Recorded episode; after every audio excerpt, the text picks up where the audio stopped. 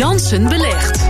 Nou Jans, je weet uh, waar je in moet stappen. Maar dat uh, vind je toch een beetje tricky, hè, die bitcoin? Nou, uh, privé heb ik het wel gedaan om te kijken... gewoon om een beetje betrokken te zijn bij die munt.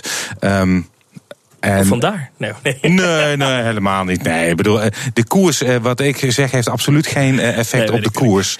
Uh, anders zou ik er ook niet in mogen beleggen, namelijk. Ik mag niet beleggen in uh, individuele aandelen. En dat mag ik ook niet uh, in Janssen Belegd doen. Dus nee, ik heb daar ook alleen maar een tracker, dus een mandje aandelen, waar ik verder geen invloed heb op de samenstelling van dat mandje.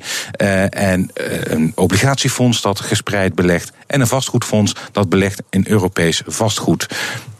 Nou, we hebben twee uh, best wel beroerde weken achter de rug als je kijkt naar de Europese beurzen. Maar wonder boven wonder heeft dat geen hele diepe gaten geslagen in mijn portefeuille. Want. Okay dat, heeft, dat is dit keer vooral te danken aan vastgoed. Vastgoed heeft het heel goed gedaan. Dat is eigenlijk terwijl de andere aandelen wel zijn gezakt relatief.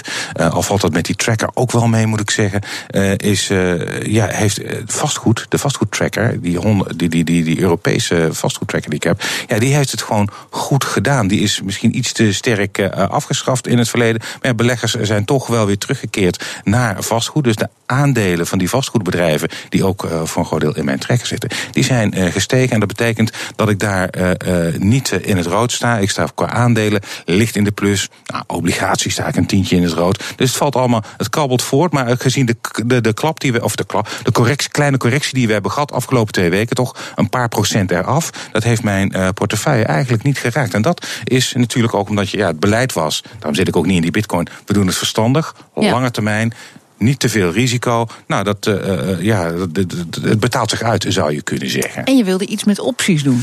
Ja, ik wilde inderdaad iets met opties doen. Je kunt uh, door iets met opties te doen uh, wat extra rendement uh, creëren. Dat heb ik de vorige keer uitgelegd. Maar daarvan zegt het bedrijf, want ik beleg met geld van BNR, van de FD Media Groep. Heb ik gezegd, nee, dat gaan we niet doen. die hebben liever niet dat ik met die, die, opties aan de slag ga. En dan zou ik zou er ook mijn beleggingsrekening voor moeten aanpassen. En die aanpassing die komt er niet. Daarnaast is het ook nog zo dat als ik beleg in zo'n optie, dat dat ook gevolgen heeft voor de administratie hier van het bedrijf. Want een optie is eigenlijk een heel ingewikkeld product. Nou, dat, moet, dat geeft administratief ook nog een hele hoop omslag. Oh, okay. Dus dat feest gaat niet door. Ja, wat dan wel? Wat dan wel?